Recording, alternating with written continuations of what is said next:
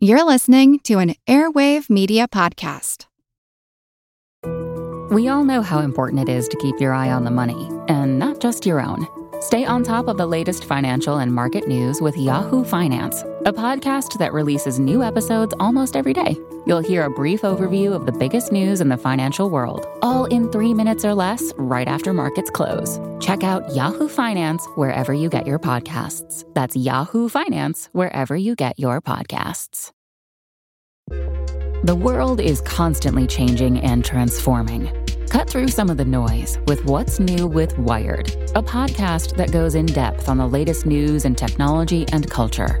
Their award winning journalism will help you make sense of what's happening in the world. Listen to What's New with Wired wherever you get your podcasts. That's What's New with Wired wherever you get your podcasts. You're listening to an Airwave Media Podcast.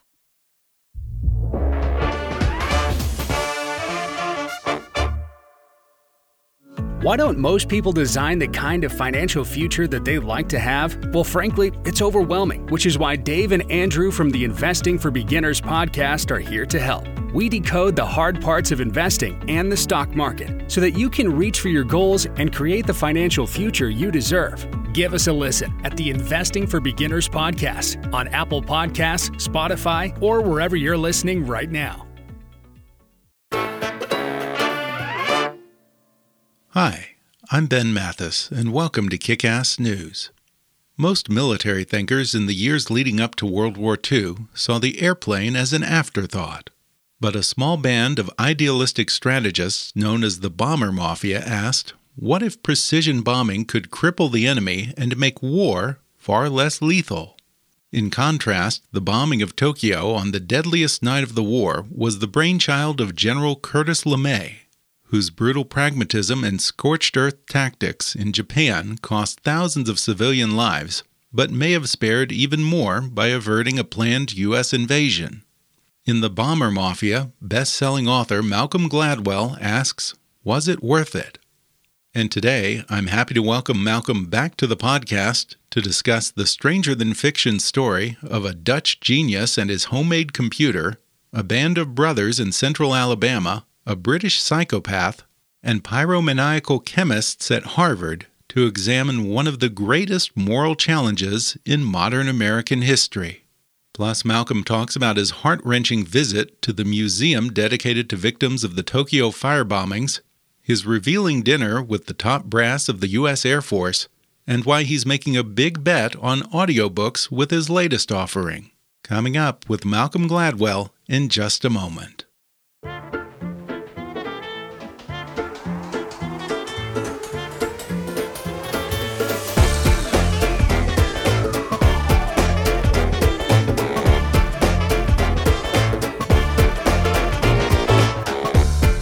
Gladwell is the author of six New York Times bestsellers, including Talking to Strangers, David and Goliath, Outliers, Blink, and The Tipping Point.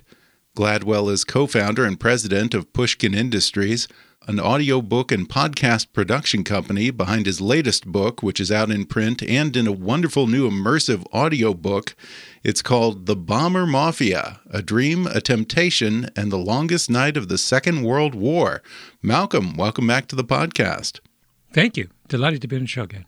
Well, before we get to the book, I know from the last time we spoke that your preferred writing routine had, had sort of been disrupted by the pandemic. Have you returned to writing in cafes yet? I have. The cafes in the little town where I live have reopened, so I can return to my favorite haunts. Wonderful. I, I, love this new audiobook, by the way. I, I, really enjoyed listening to the Bomber Mafia. You have pioneered the art of the immersive audiobook. The audio versions of your books really, I think, have more in common with your podcast revisionist history than with your typical audiobook. Take us behind the scenes. What all went into making the audio version of the Bomber Mafia? Well, you know, to do, I did what with this, what I did with Talking to Strangers, which is to do a, a real good audiobook, you have to start with the intention to do an audiobook. In other words, every interview you do, you've got to collect high quality tape. You know, you can't just put your iPhone down on the table in front of the person you're interviewing. You if you're intending to use the voices of the people you're talking to in the finished product, you've got to make sure they sound good. And then it goes from there.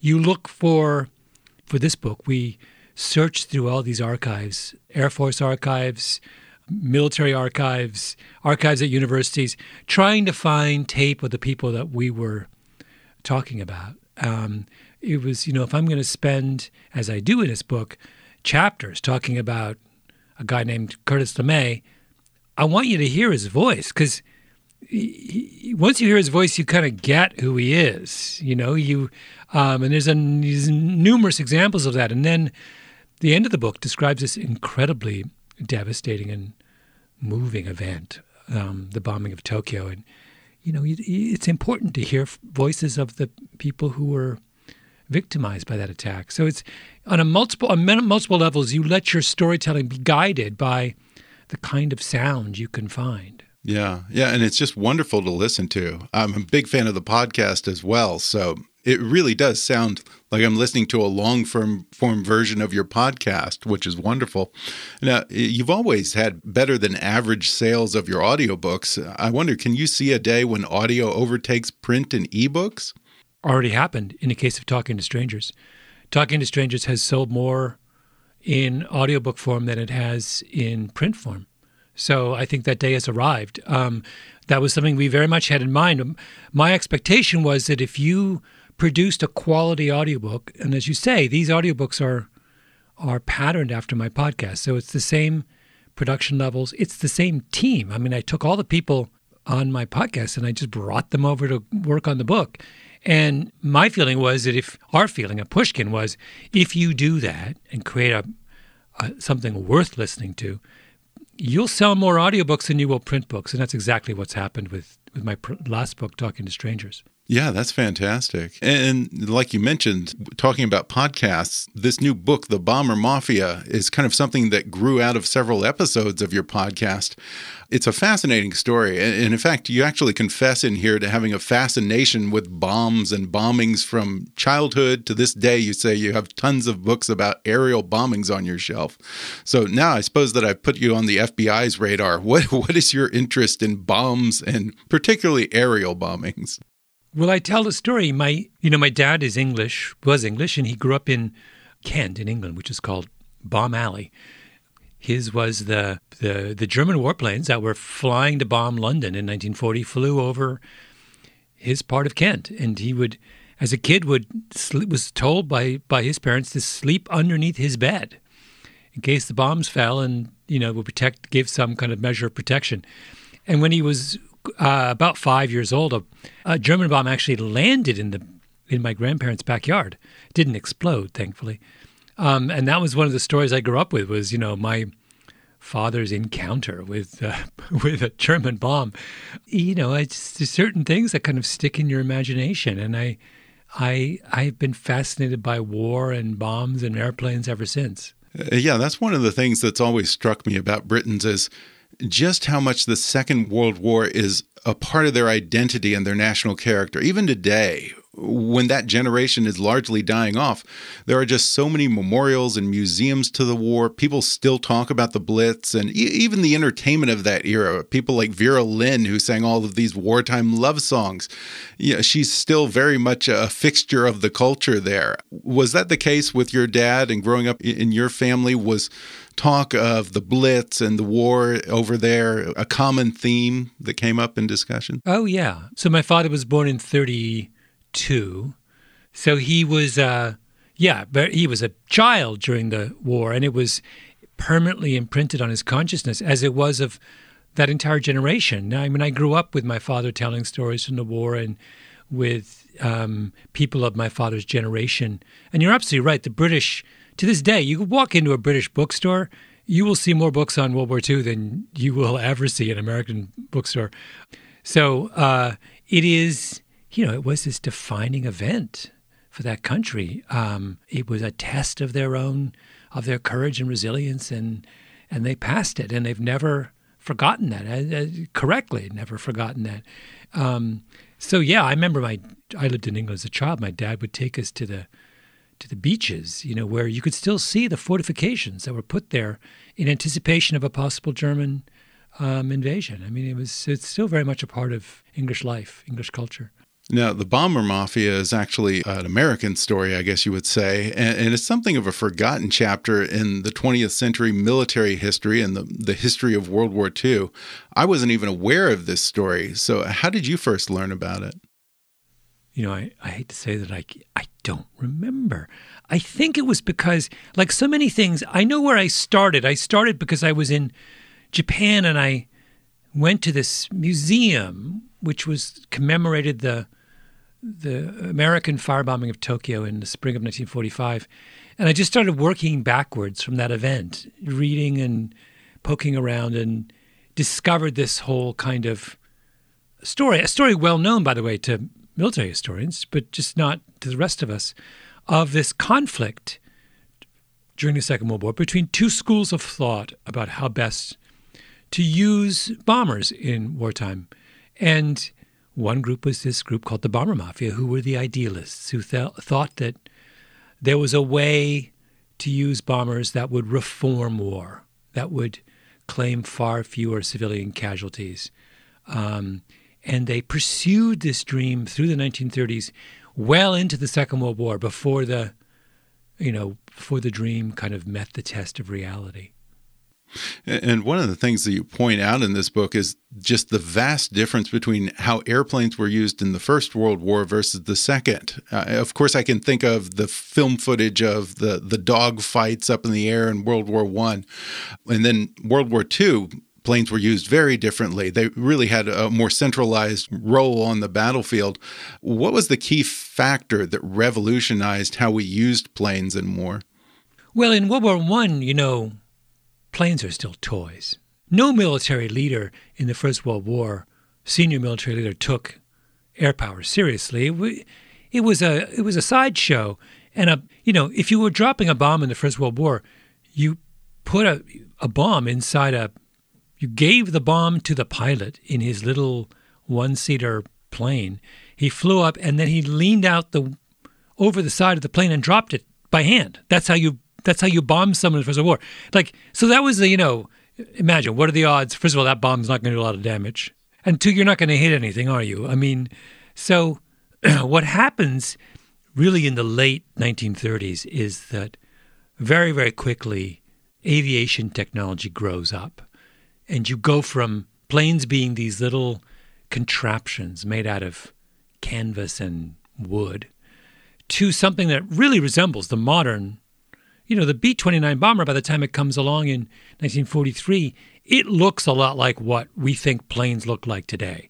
So, it, it, you know, by the time the Second World War is, uh, is underway, uh, aviation technology has matured to something that resembles a modern state. And that means all kinds of things. It means that all of a sudden air power matters. It means you can do a lot of damage from the air. It means that you can fly really high for long periods of time means you can evade enemy defenses, means you can carry, you know, hundreds and hundreds and hundreds of tons of uh, bombs in a uh, in a single bombing attack.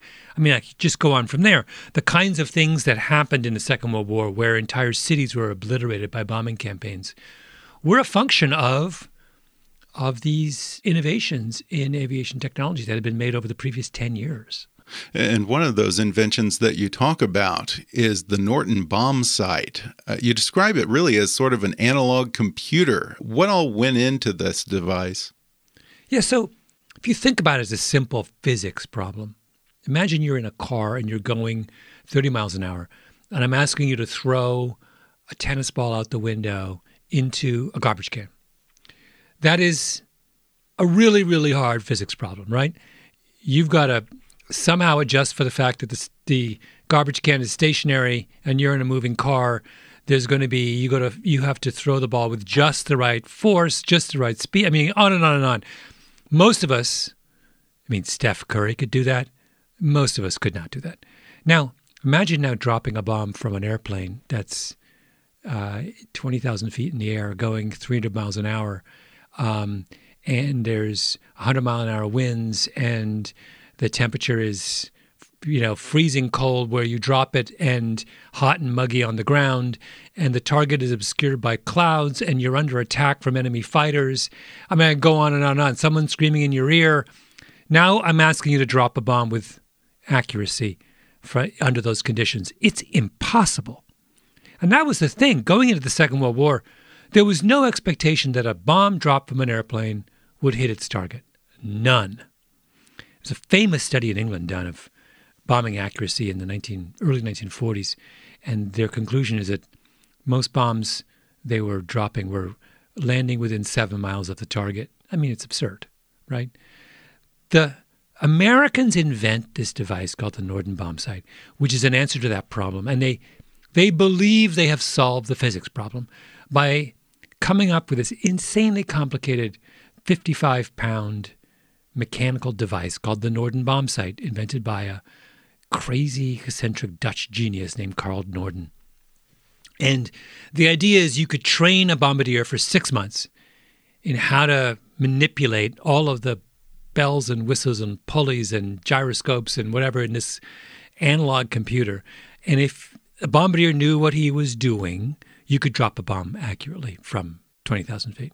And it did take a lot of skill to do that. And they were trained, as you mentioned, uh, at this aerial tactical school in Alabama. The people who founded it kind of became known originally derisively as the Bomber Mafia, but they embraced that name. And eventually, uh, there's sort of this legend associated with the Bomber Mafia and how they realized that precision bombing could really revolutionize how we fight wars. Can you recall that story? Yeah, so this group there's a group of men, pilots in the 30, young men, and they're way off in the middle of nowhere in central Alabama, outside Montgomery, Maxwell Air Force Base. And they are obsessed with the potential of the bomber. The bomber is this brand new idea, a plane designed to fly fast and high and carry enormous payloads and do damage to the enemy. And their idea is that if they can successfully solve the problem of how to drop a bomb accurately, then all of a sudden they become the most important thing in all of war. All of a sudden, you don't need infantry, you don't need tanks, you don't need warships, you don't need anything except bombers. Because their theory is look, I can send a bomb, a bomber that's flying way above, so high in the sky and so fast that no fighter jet can catch it and no anti aircraft gun can bring it down. And if I can drop my bombs with absolute accuracy, why do I need anyone else? You know, if I if I want the Germans to surrender, I could just send some bombers into Berlin, take out the Reichstag, take out, you know, the power plants, take out some bridges, and what are they going to do? They're going to have to surrender, right? That's the dream. Uh, yeah, and the bomber mafia was really way ahead of their time and helped to shape modern tactical warfare. But even beyond that, they had these loftier dreams. I mean, is it fair to say that they even believed that precision bombing would make the world a better place, or at least a safer place on some level? Sure, because they had just come out of uh, the experience of the First World War, where there was this unbelievable bloodshed, carnage on the battlefields of Europe, and they were determined not to repeat that. They thought there's got to be a, a better way for nations to fight with each other. We, do we really have to kill off an entire generation just to resolve some dispute? So their notion was look, if we can drop bombs accurately, first of all, we don't need to fight land wars, and nor do we need to destroy entire cities to make a point. You know, to go back to that example I gave you of Berlin, you have two choices. You could reduce Berlin to rubble and kill a couple hundred thousand people, as you do, or you can take out their power plants and their uh, military factories and their bridges and maybe kill, I don't know, 200 people as opposed to 200,000 people and have the same result. So that's what they mean when I, when I say they were sort of fired by a moral vision. That was the vision that we can conduct war that has the same result, but but claims a fraction of the lives. Mm-hmm. And they were sort of controversial in their day. I think several of them said that they would probably have landed in jail if any of the higher ups of the Pentagon had known what they were doing. At one point, they were doing theoretical experiments to figure out what it would take to basically incapacitate New York City. So, and it's interesting because, you know, what you said a moment ago about kind of where air power factored into our U.S. military strategy. Uh, the fact that we didn't even have an air force, it was a subgroup of the army, and air power was even up to the probably the early days of World War One was still sort of viewed as a novelty among the military brass. They met a lot of resistance to this idea from the U.S. military establishment, didn't they? Oh, absolutely. I mean, you had to have been not just a pilot and not just a kind of passionate advocate of air power, but also a kind of believer in technology. I mean, the bomber mafia take a look at things like the Norden sight, and they, they use it as a kind of jumping off point. They see the potential of it because they're so dedicated to the idea of airplanes as the future of warfare. No one else has that. If you're a tank commander or a military general who came up, you know, went to West Point and fought in World War One, and you know, and your uncle and your grandfather and your great grandfather and your father all did this served in the same way in the army. You don't have that same set of beliefs, that same passionate attachment to this new technology. You think what war is is jeeps and tanks and soldiers marching along the ground with with with rifles strapped to their backs. So the bomber mafia at one point move. They were based in Virginia near the power center of American the American military, and they're like, we don't want to be in the mix. We want to be off by ourselves. We want to have the freedom to dream. And they moved to the furthest point on the map culturally they can from Virginia, which is from the Washington, D.C. area, which is southern Alabama. We're going to take a quick break and then we'll be back with more when we return in just a minute.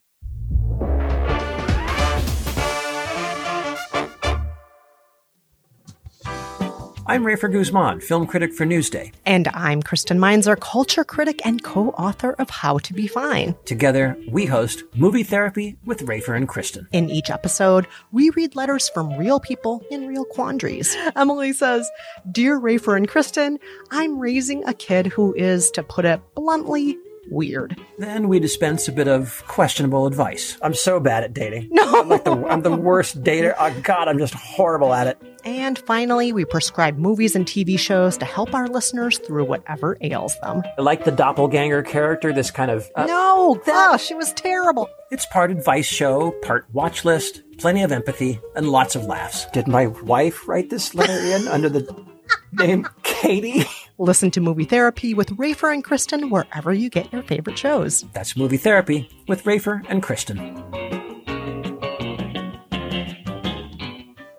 I traveled through time to tell you this.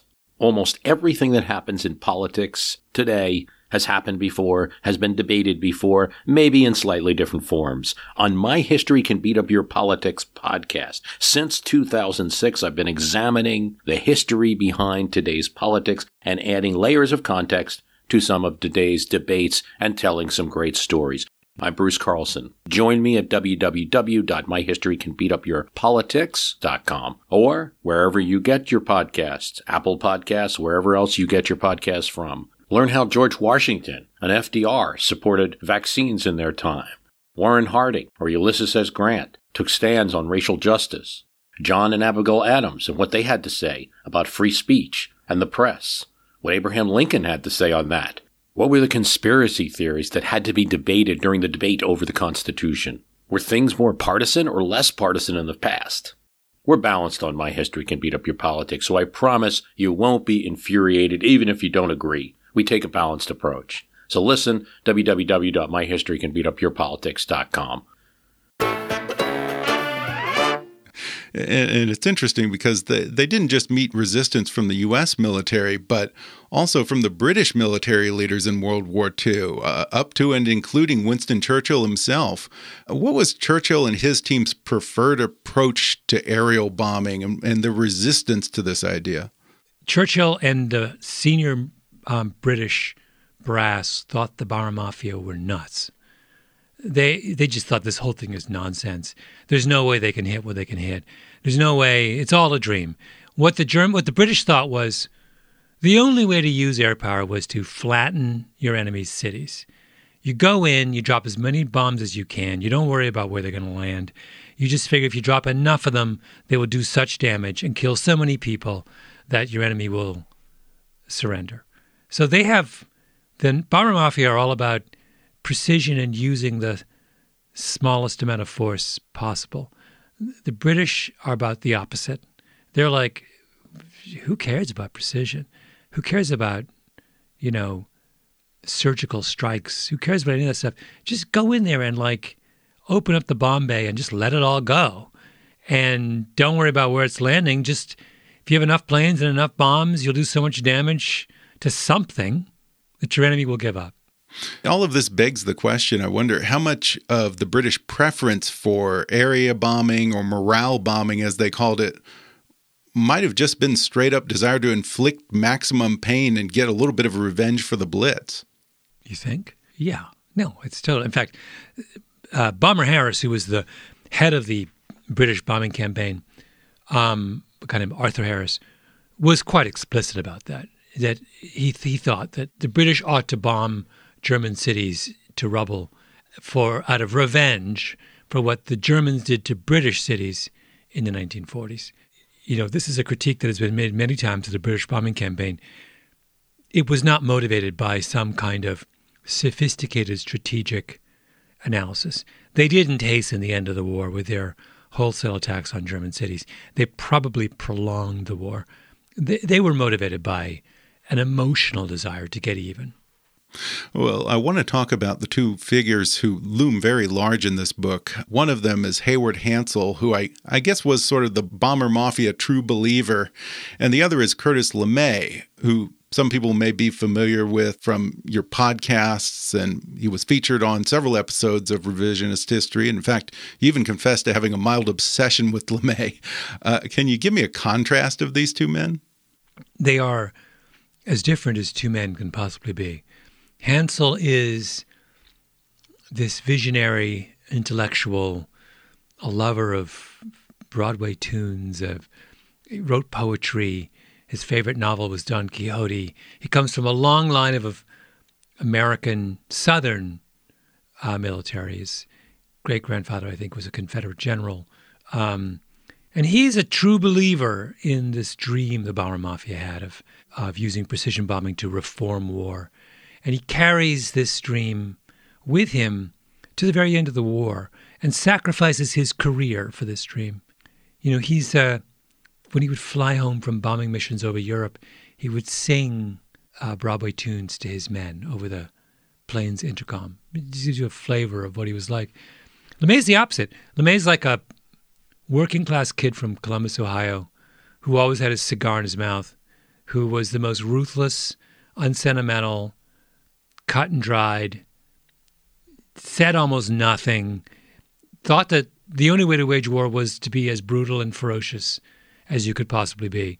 Had no time for the intellectual niceties and dreams of the bomber mafia. Thought they were, you know, he, what did he, he had a famous phrase he used, swivel chaired intellectuals.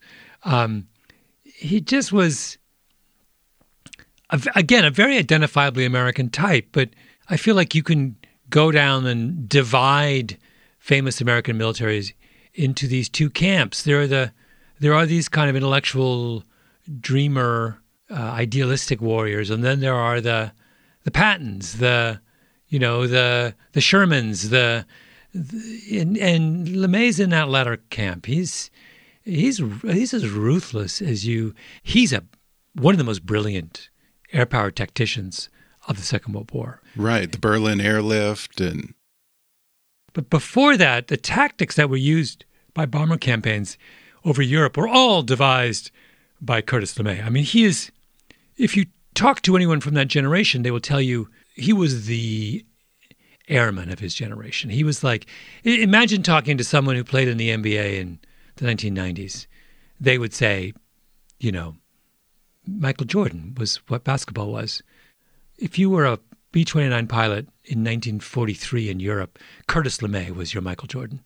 Um, people would follow him anywhere. But he and Hansell were just diametrically opposed on how we ought to use these extraordinary bombers that were being produced in those years. And they didn't like each other. And I think we could even be stronger than that. I think, that LeMay would have had contempt for, for Hansell. And they have a kind of showdown. The book is all about a showdown between the two of them at the end of the war in Guam. And um, it is one of the kind of most morally consequential moments in the war. Yeah, and they ran into some major setbacks in the bombings over Germany and then later in their attempts to run precision strikes over Japan. At, at that point, I guess LeMay was still not sold on precision air bombings, but was assigned them and kind of was pursuing some effort to, uh, I guess, bomb Japan from India, which is not easy because you have to cross the hump or the Himalayas. Why didn't precision bombing turn the war in the way that Hansell and the bomber mafia envisioned? What were the problems? Well, there were any number of problems, but fundamentally, if you were using the bomb sight on a perfectly clear day under blue skies on a testing ground in the Utah desert, um, it worked like a charm.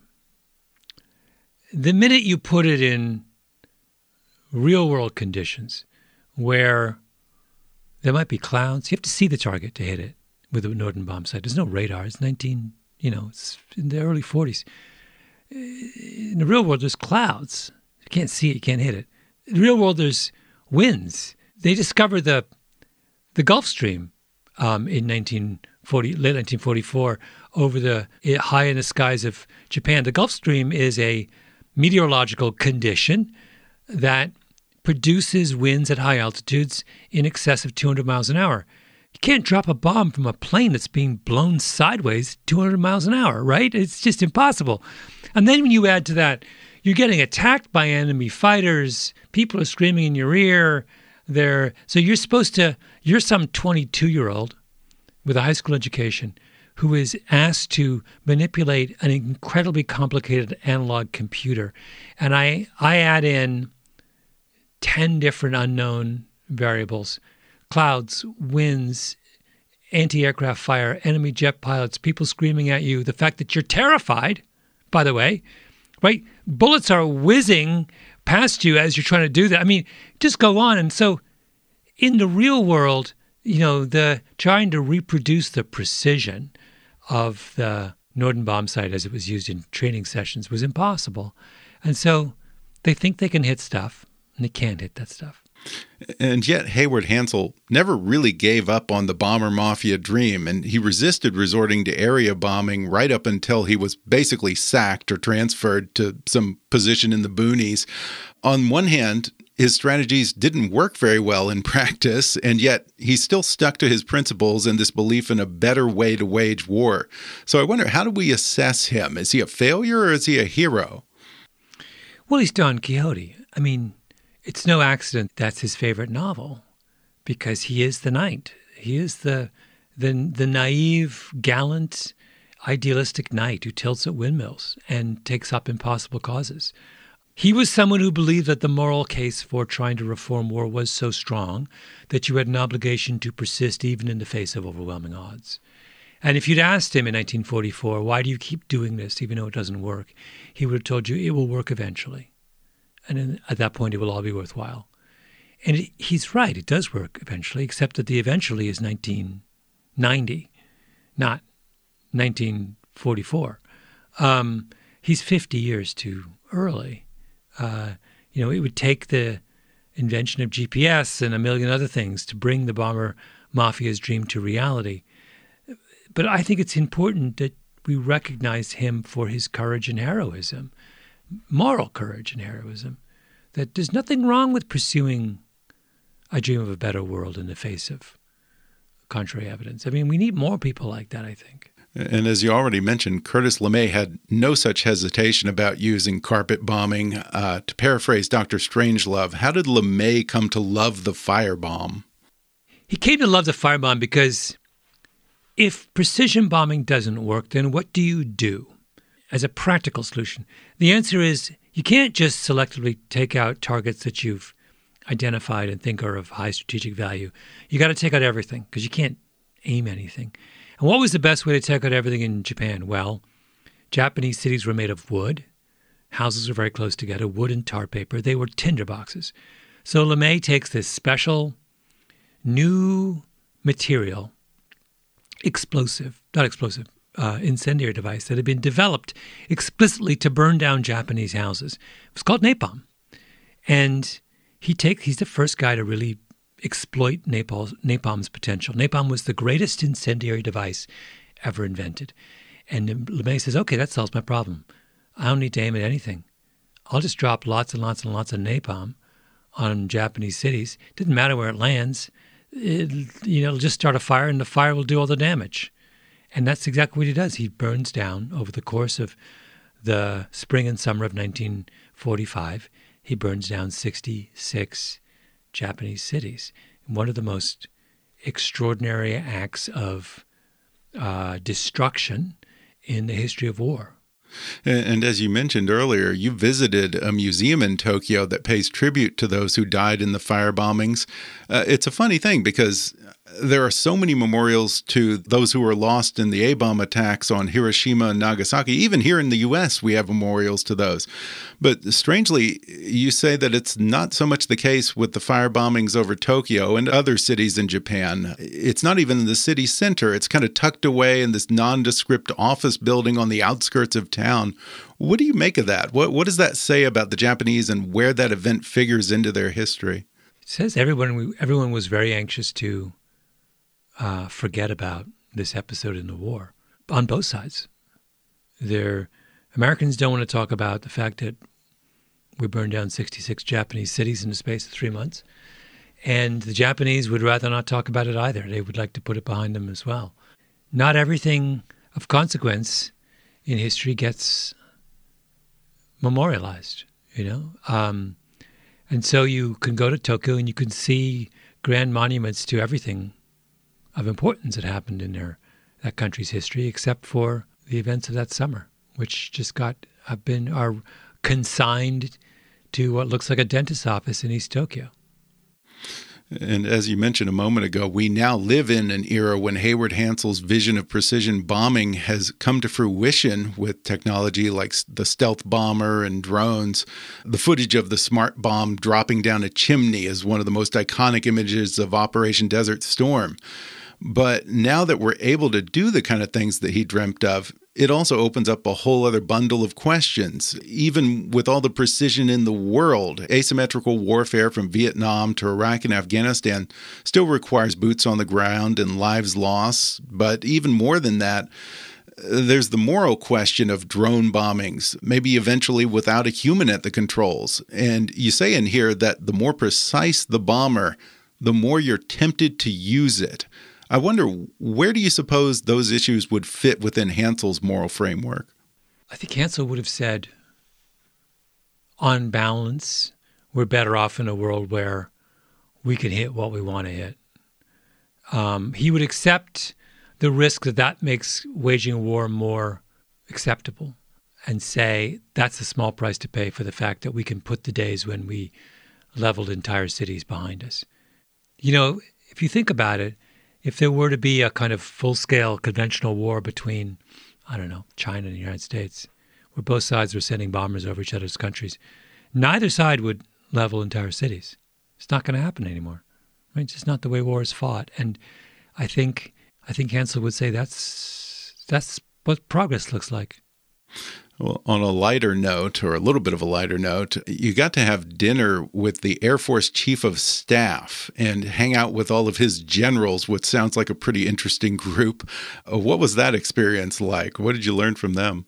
I got to know the previous uh, guy named uh, General Goldfein, and then General he was replaced by General Brown um, midway through writing this book, and I got to know both of them. They're the two, the outgoing and the incoming Chief of Staff of the Air Force, and I found them both incredibly impressive people. Um, I came away with really renewed respect for the American military. I mean, these are people who understand the moral dimensions of what they do, who are steeped in the history of their service, who are, you know, committed to keeping America safe. I mean, I could go on.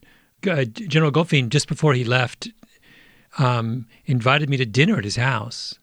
At the, there's a house on Fort Myer, just across the Potomac from the Capitol, which is where the head of the Air Force lives, on a street where all of these top military guys live. And I had dinner at his house and with his wife, and then afterwards we had drinks in his backyard, and he invited over, you know, the vice chair of the Joint Chiefs and a couple of other senior Air Force guys, and um, we had a conversation I'll never forget. Just a kind of casual conversation about what it means to be in charge of the world's most powerful air force you know, it's just uh, it was really an amazing moment. I'll never forget it. Yeah, sounds like an incredible experience. Well, I mentioned at the top that this book is sort of the vanguard of a larger effort by your company, Pushkin Industries. You're really going all in on immersive audiobooks. Before we go, can you tease any of your other audio offerings to come? Oh, we got a million coming. For example, we have one coming up with uh, Paul Simon, the singer songwriter, based on we began with about 40 hours of conversations with him and have combined that with, with him playing and talking and arguing. And we combined that with historical tape and um, produced and all kinds of theorizing and interviews with other mu- prominent musicians. And the result is something that's kind of amazing. Um, that should be out. I'm not sure when that's out. It's almost done though. But we got we got a big pipeline of stuff coming. Well, again, this book is called The Bomber Mafia A Dream, a Temptation, and the Longest Night of the Second World War. Malcolm Gladwell, thanks for talking with me. Thank you, Ben. It's been really fun. Thanks again to Malcolm Gladwell for coming on the podcast. Order his new book, The Bomber Mafia A Dream, a Temptation, and the Longest Night of the Second World War on Amazon, Audible, or wherever books are sold and I especially encourage you to listen to it as an audiobook. It's very, very well produced and really immerses you in the story. Follow Malcolm on Twitter at, at @gladwell. If you enjoyed today's episode, then subscribe and give us a five star rating on Apple Podcasts. Detailed reviews are the best way for new listeners to discover the show. Follow us on Facebook at, at kickassnewspod and email me with your comments, questions, and suggestions at comments at kickassnews.com. Kickass News is a part of the Airwave Media Podcast Network. Visit airwavemedia.com and check out some of our other shows like Food with Mark Bittman, Movie Therapy, Investing for Beginners, My History Can Beat Up Your Politics, and many others. For now, though, I'm Ben Mathis, and thanks for listening to Kick Ass News.